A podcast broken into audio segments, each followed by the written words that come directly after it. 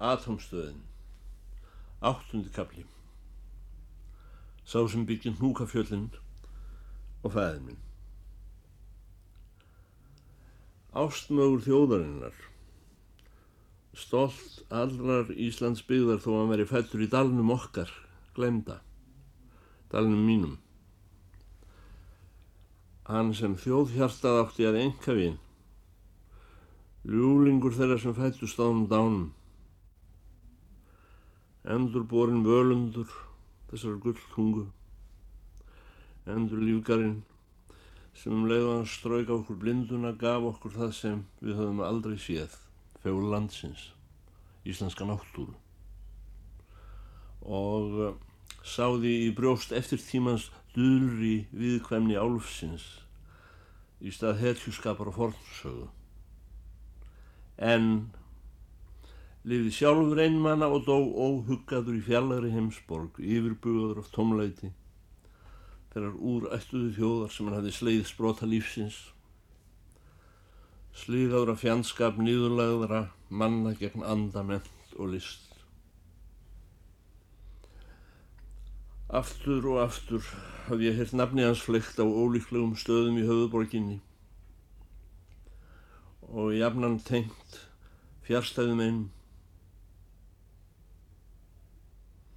Fyrst hjá atomskáldinu syngjandi, síðar vegna sölu landsins á selvufundi, nú hér. Sveitamaður í borginni lætur sér margt sem vindum eðlum þjóta af því hann skilur ekki samhengið, kemur ekki ólíkum hlutum saman á heim. Vinnur minn ástmögurinn hefur staðfest í eiru konunarðinnar. Ambátt húsins hugleiti þessi orð miðilsins, heiti framann meðan hún beð þess uppi hjá sér að hjónin hyrfu inn til sín svo hún geti þrifað stofurnar undir nóttina. Og jafn snemma upprennur fyrir mér önnur mynd svo sem vit hér mín í hverju vandamáli og er mér svar við margri spörl. Ekki af því ég hefi nokkur sinni skilið hana. Heldur líkast til af því hún er nær mér sjálfri mergur beina minna sjálf samsetning blóðsmins.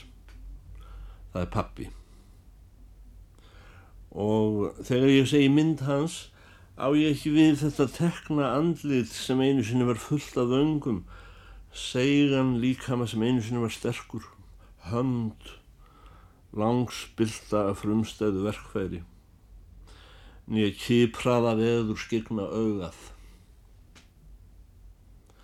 Heldur á ég við andlega mynd hans. Fornsöguna sem hann viðurkennir eina í allri grein, með sverð fyrir ljá, haf fyrir jörð, hetju í stað búandkarls og þó mildaða hundrað ára gamalli nútíð. Nútíð fyrsta bindis af fjölni. Vefjandi þöglum bjarn íl þá síðborna álfa sem kend okkur sólu, fuggl og stjórnu. Eftir að hafa síðan föla segðskratta sem í stofu með mörgum falsmyndum af náttúru áttur hrókaræður um mornuð bein við hann sem ósnertanlegur byggir hnúkafjöllin, huldumannin, dýpst í brjóstum okkar sjálfum. Var mér fró og hressing í minningu þessar hrjúfu myndar minns upphafs. Konan leggst á gólfið. Ég er vækinn af leiðslu við undarleg hljóða neðan, gráðfrungið, óp, org. Var morði í húsinu? eða barnfætt í næsta húsi. Ég opnaði glukkan minn og hlustaði en þetta var að aflýðandi óttu og hljótt í nágrenninu, myrkur og glukkum. Það hlauti að vera hér. Í einu vetfangi er ég komin niður stígana tvo á sokkalistónum og stendi neðstur í hóru tveitju dyrknar sem voru opnar áðan standa enn á gátt og opið út á strætið og opið inn í húsið. Ég hata þig, hata þig, hata þig. Það vottar ekki fyrir mennskum hljómi þessu dimma gargi nýja því samblandi óaðkveðina hljóða og dónalega blótsilda sem fylgdu þessari öfugu ástarjáttningu. Því næst, ég skal, ég skal, ég skal til Amriku. Á miðju gólfi vinnustofunar liggur þessi fallega sletta kona upp í loft með pilsin upp á maga í nælonsokkum, silkibrók og giltum skóm. Hún sílemur hælum og nefum í gólfið organdi. Það glamrar í arböndunum við varsmíðina annar gullskórin kastast út eftir gólfi. Maðurinn stóð álendar og horfið á. Hann hafði sett upp vandræðasvip og undrunar. Samt grunar mig hann hafi séð líkar aðfarir áður og ekki verið mjög hissa. Hitt hefði verið meirinn lítil ókurteysi við svo ágæta konu að láta sem ekki væri þegar hún skipt um ham. Ég segi fyrir mig, ég stóð eins og niður nærgult í riminni, hugstóla við svo ótrúlegri skemmtun. Þegar ég hafi hort nokkru stund, stóð maðurinn upp seint, gekkandi í rónum og lokaði þeim með afsökunarbrósi. Ég lokaði út í hurðinni og fór síðan aftur upp til mín því enn var ekki tími að taka til undir nóttina náttverðurinn. Þægilegu mennindir frá Ameríku koma þegar líðun er miðnætti þeir eru hættir að skilja eftir yfir hefndan sínar í forðirinu en ganga beintindir húsbóndans og eða rekast á vinnu því í anddýrinu klappaður okkur á bakið og takk upp síkaretur og jórturleður. Þeir stóðu vanlega stutt við. Þegar þeir voru farnir kom forsættisráðherran eins og áður síðan einhverju fleiri ráðherrar, mæðuveikistjórin, nokkur alþingismenn, heilsalar og dómarar, blígrái sorglegi maðurinn sem gáð blaðum að við erum að selja landið, biskupannir, lísiserslustjórin. Þeir sátu oft á fundum lengi nætur, rættust við hljóðlega og fóru fyrðu ódröknir. En svo brá við Jafnan daginn eftir hinnar launungarfullu um virðulegu nætur heimsóknir stórmennis hér meginn í göttunni þá upphófust aðrar heimsóknir opimberar og mun óvirðulegri í hinnum enda göttunnar eh, og hvað sem sambandið kunna leynast. Það var almúgin að finna fórsetisráðherran. Erindi þessa fólks var æfinlega hitt sama. Flytja ráðherran um áðurpið að bera fram fyrir hann bænaskrár þess efnis að selja ekki landið afhend ekki landsréttindin að láta ekki úrlendinga að gera hér atomstöðandaskil til að nota í atomstríðinu ungmennafélug skólar háskólaborgarafélagi gödusóparafélagi kvemmfélagin kontoristafélagi listamannafélagi hestamannafélagi í nafni Guð skapar okkur sem er gefið okkur land og við, og við eigum það og, og það var ekki tekið frá neinum seljið ekki frá okkur þetta land sem Guð vill við eigum landið okkar við byggjum yfir herra. Það var ókýrð í bænum. Fólk hljóð frá störfum sínum um miðja daga og sapnaðist saman óttaslegið í þyrpingar eða söng Íslanda árum skorið. Ólíklegustu menn tildruðu sér upp og heldur ræður um þetta eina þegar megin leggja á okkur skatta endalust þegar megin hafa félög sem leggja mörg þúsund prósent á útlendu vöruna sem við kaupum af okkur. Þeim við kaupa tvo naglbít og tíu stedi á mann í landinu og portugalskar sardínur fyrir allan gjaldir í þjóðurinnar. Þeim við stífa krónun eftir vild þegar okkur við tekist að gera neins í sviði. Þeim við láta okkur svelta, þeim við láta okkur hægt að bú í húsum. Forfiður okkar byggu í öngum húsum, heldur moldarbingjum og voru samt menn. Allt, allt allt nema þetta eina, eina, eina afhenda ekki landsréttindin sem við börðumst í 700 ár fyrir ná aftur. Við særum yfir herra við allt sem þessari þjóður heilagt gerir ekki unga lífið til okkar að hala klepp á útlendri atomstöð það eitt, það eitt og ekki ná það. Þegar slíkar heimsóknir stóðu yfir í eh, hinum endagötunar var öllum dyrum vendilega læst hjá okkur og hrúin saði draga blæjurnar fyrir suðuglúkana. Eitt kvöld í svarta skamdeginu var hafinn nýr þáttur í húsinu. Útlendir sem innlendir gestur voru bóðin til veislu í einu lægi. Það var ekki kvöldverður, heldur náttverður. Gesturinn komum um nýjuleitið, samkvæmisklættir, allt kallmenn og fengu hana stjálmennir voru að helsast. Af matarkíni voru á borðum ameríska samlókur, tunga, kjúklingar og salöld með öllum vínum sem ber. Síðan ljúfengir ábætar menn áttu standandi. Loks var hittað punns í kollu og borið viski og ginn aðfengnar framleiðslu konur gengum beina þar til larðar matsaljur stóð í eldhúsinu. Kanandin fóru snemma og skömmu eftir að þeir voru á brott tókið íslenska stólminni að syngja kátur voru kallar og yfir kaldan eðisand Um minnætti sögðu framlegslu konunnar þau tíðindi fram í eldús að þeir veru byrjaðir að þukla þeir um nefðu þær held í glösin. Nokkur síðar fóru þeir heim og menn heldu á hjá sér sjálfur. Þegar leiðan ótt gerðust menn druknir og bítar hjálpaði húsbóndanum til að ganga undir þeim sem ekki voru sjálfbjarga eða bera þá út í bílana. Að veslu lokum var mér sagt að bera út borðbúnað og, og laufar úr salm, þerra bletti, tæma öskubakka, opna glukka. Það voru ekki eftir nema forsætisráðurann, aldrukkin í rauki, djúpt í stóli og bítar, þúsund þjálasmiður snorretu og drukkin að skengja á hjá hann. Húsbóndin var sestur í vinnustofu sína að blaði erlendu tímarilli, opið á milli. Kommunistarnir, saði fórsættisáðan, helvítis kommunistarnir. Ég elska þá, ég kann drepa þá. Heyrðu vinnur, saði máur hans upp á blæðinu.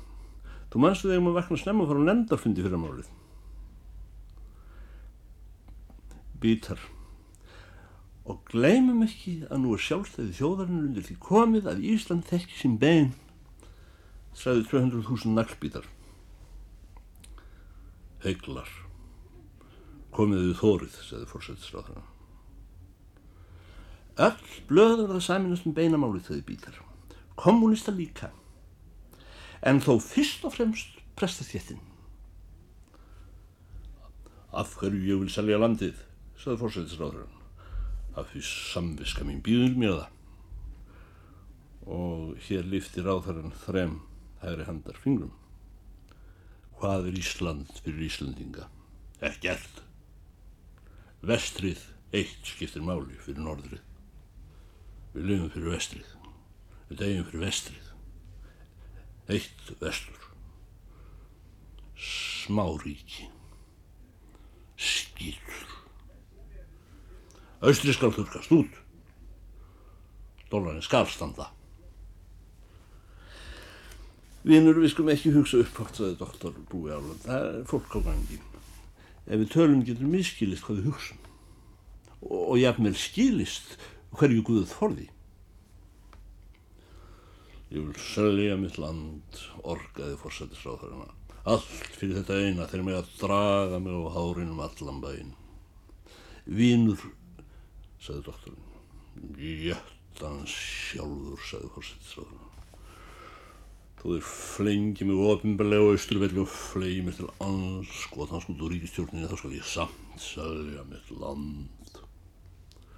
Þú er verið að gefa mitt land, skal dollarinn síðra. Ég veit Stalin er gáðaðum aður, en hann skal ekki sjá við fórsettisráðara Íslands og um, þó þjóðin öll svíki ástmögin þá var hann mig fyrir vín saði Bítar. Hvað er alls fólkið? saði fórsættur á það hann uppgötvaði allt í einu að gestinu voru farinir Lillu síðar veldi hann glöðsson stóð upp og sperti sig.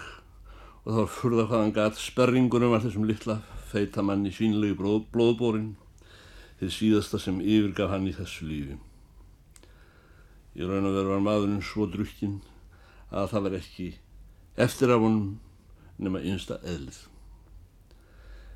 Bítar stutti hann út og sett á hann hættin og maðurinn helt áfram að bergmála sjálfan sig á útleið gegnum önd og fordýri. Ég er forsætisráðan. Stalin er ekki eins skáður og ég. Dollarinn skal standa. Doktorinn, máur hans og félagi í fyrirtækinu snorleita fylgdi þeim bítari fram í dynnar. Vestlan var á enda. Þeir óku burt og húsbóndin leita mjög brosandi. Máur minn er indanis maður, sagði hann, og gerir stundum að ganni sínu kendur. Við þurfum sem betur fyrir ekki að lækja það á minnið. Nýja rifja það upp þó við kynum að skrepa á selufund. Hann hallaði sér upp að dýrústaf og horfi á mig freytulega. Síkarettan hans reykti sig sjálfur millir fingra á honum og hafiði nefnt selufund. Vissan þá allt, einnig það.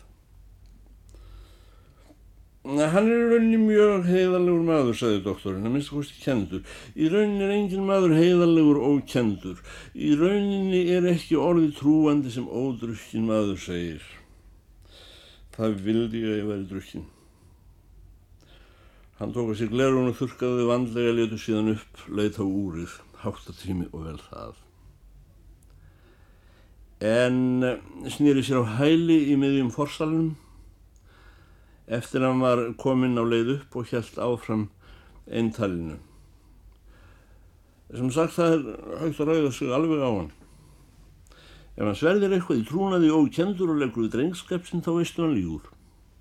Ef hann þrýsveður ofinbarlega við nafn móður sinnar þá meinar hann ofur einfallega þver auðvult við það sem hann sver. En það sem hann segir kendur meinar hann. Jáfnvel það sem hann sver. Ég er rétt úr mér og spurði ætlar hann að selja landið. Er yfir ekki samum stjórnmál, saði hann. Jú, saði ég, en mér dættast í henn að fæði minni hug og kirkjan og, og lækurinn. Hvað lækur, spurði hann þess. Lækurinn? Ég ætla að segja fleira en gata ekki. Ég saði ekki neitt fleira. Ég snýri mér undan.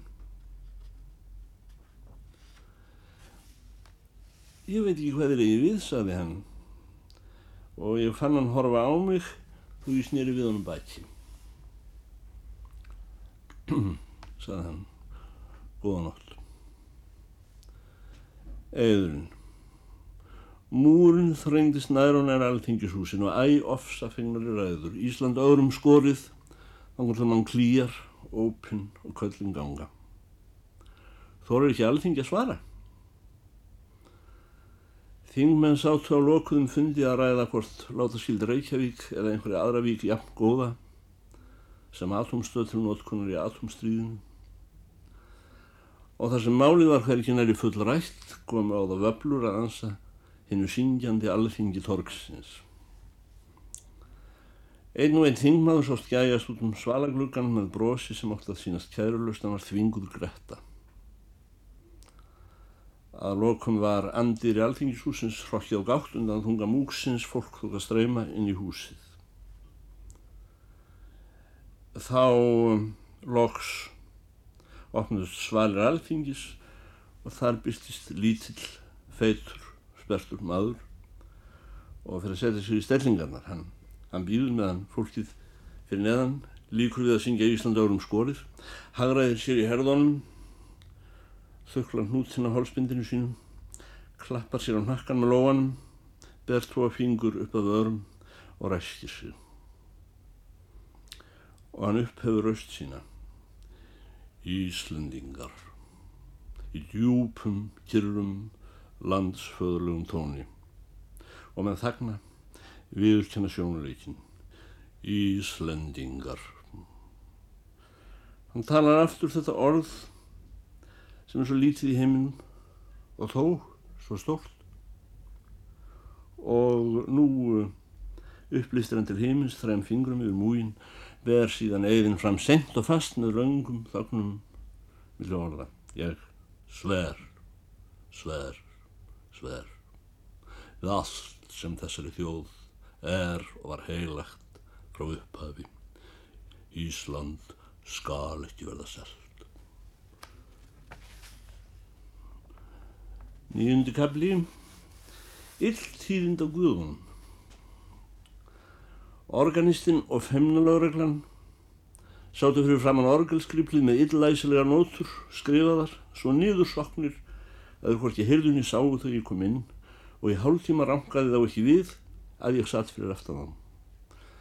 Þeir tröll höfðuðust lengi vel gegnum einhvers konar lagleysu fulla með undarlega hljóma sem myndu á byrtu yfir sveit snemma morguns áður en okkur maður komin að fætur þó kom það að lokum að mér fannst verða lag.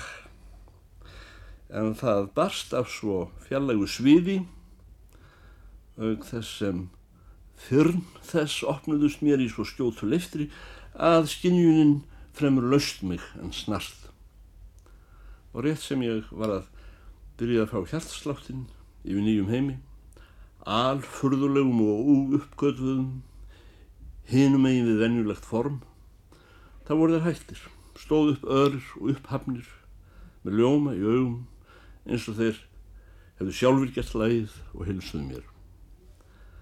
Þegar ég fór að spyrja organistan minn, saðist hann ekki vita hvort óhætt verið að trúa mér fyrir einu meiri hátt að lendarmálum heimsins, nafni nýs snillings, var ég nú heimsk til að rata í slíkan vanda án þess að missa fótfestu í lífinu og ef ég væri ekki heimsk var ég þá nógu gáfuð til að hlýða því kallin ís mestara til sérkværs manns að hann afneiti þeim heimi sem við lifum í og tæki þátt í að skapa nýjan heim handa hennum óbornu.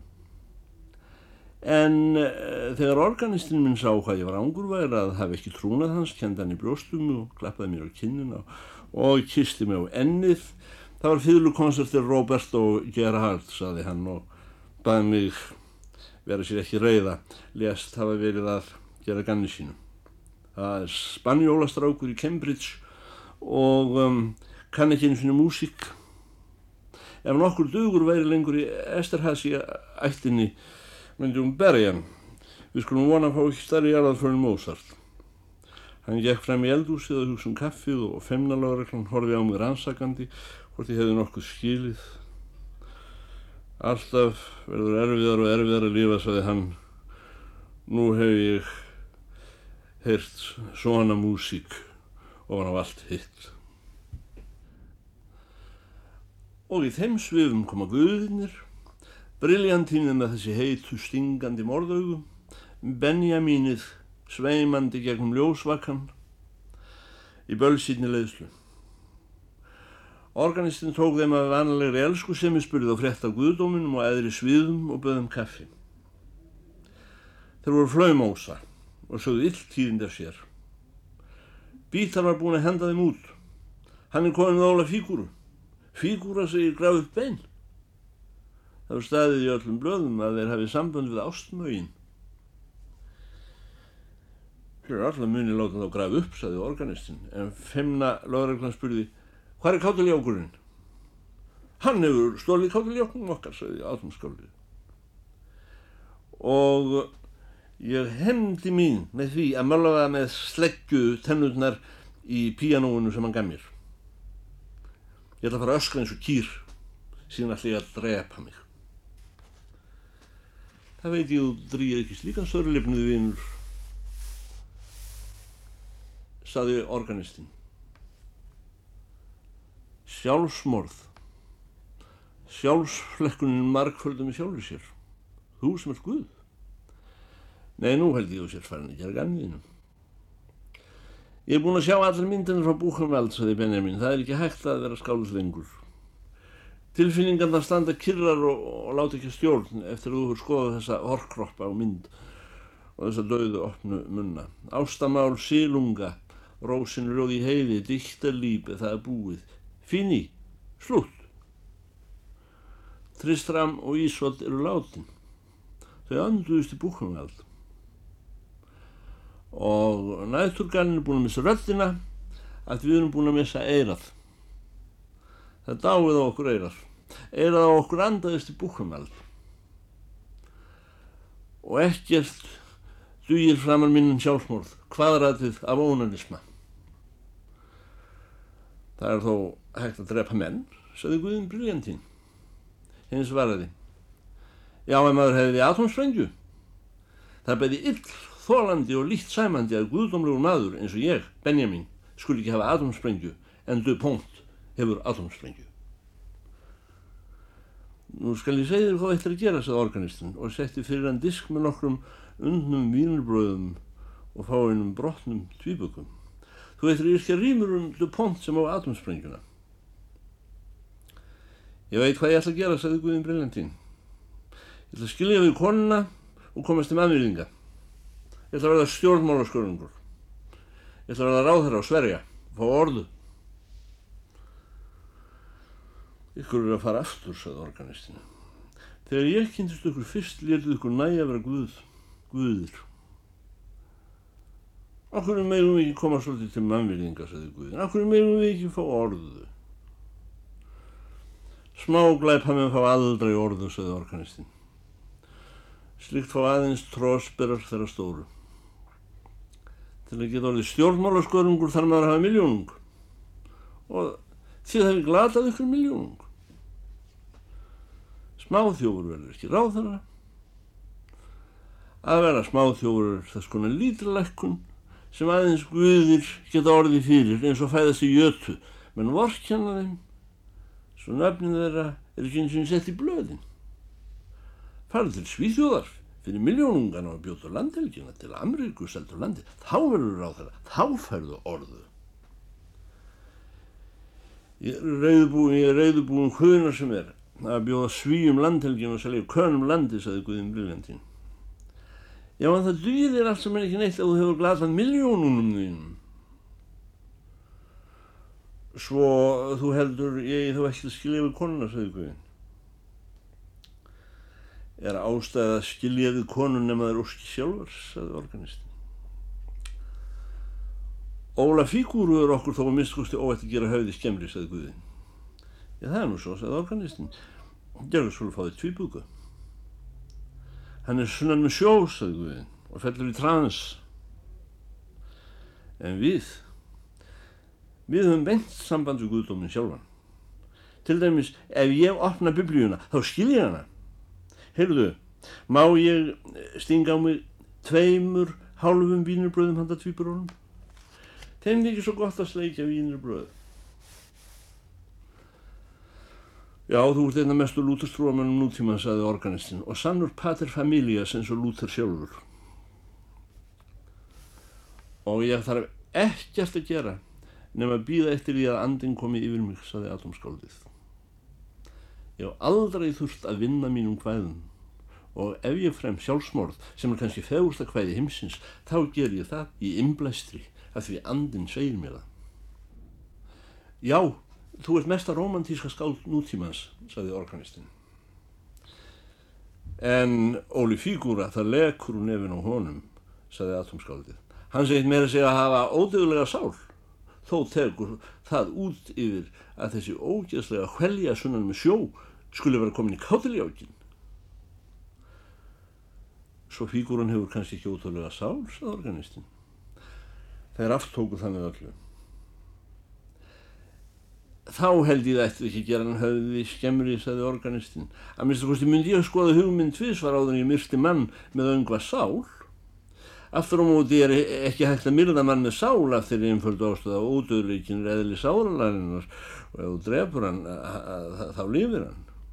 Og nú byrju ykkur að fyrirgefa, ég má ekki vera að tala meira um guðfræði að sinni, ég þarf að lesa nokkur blóm handa þessari fallegu ungu sveitastúlku vinu minni.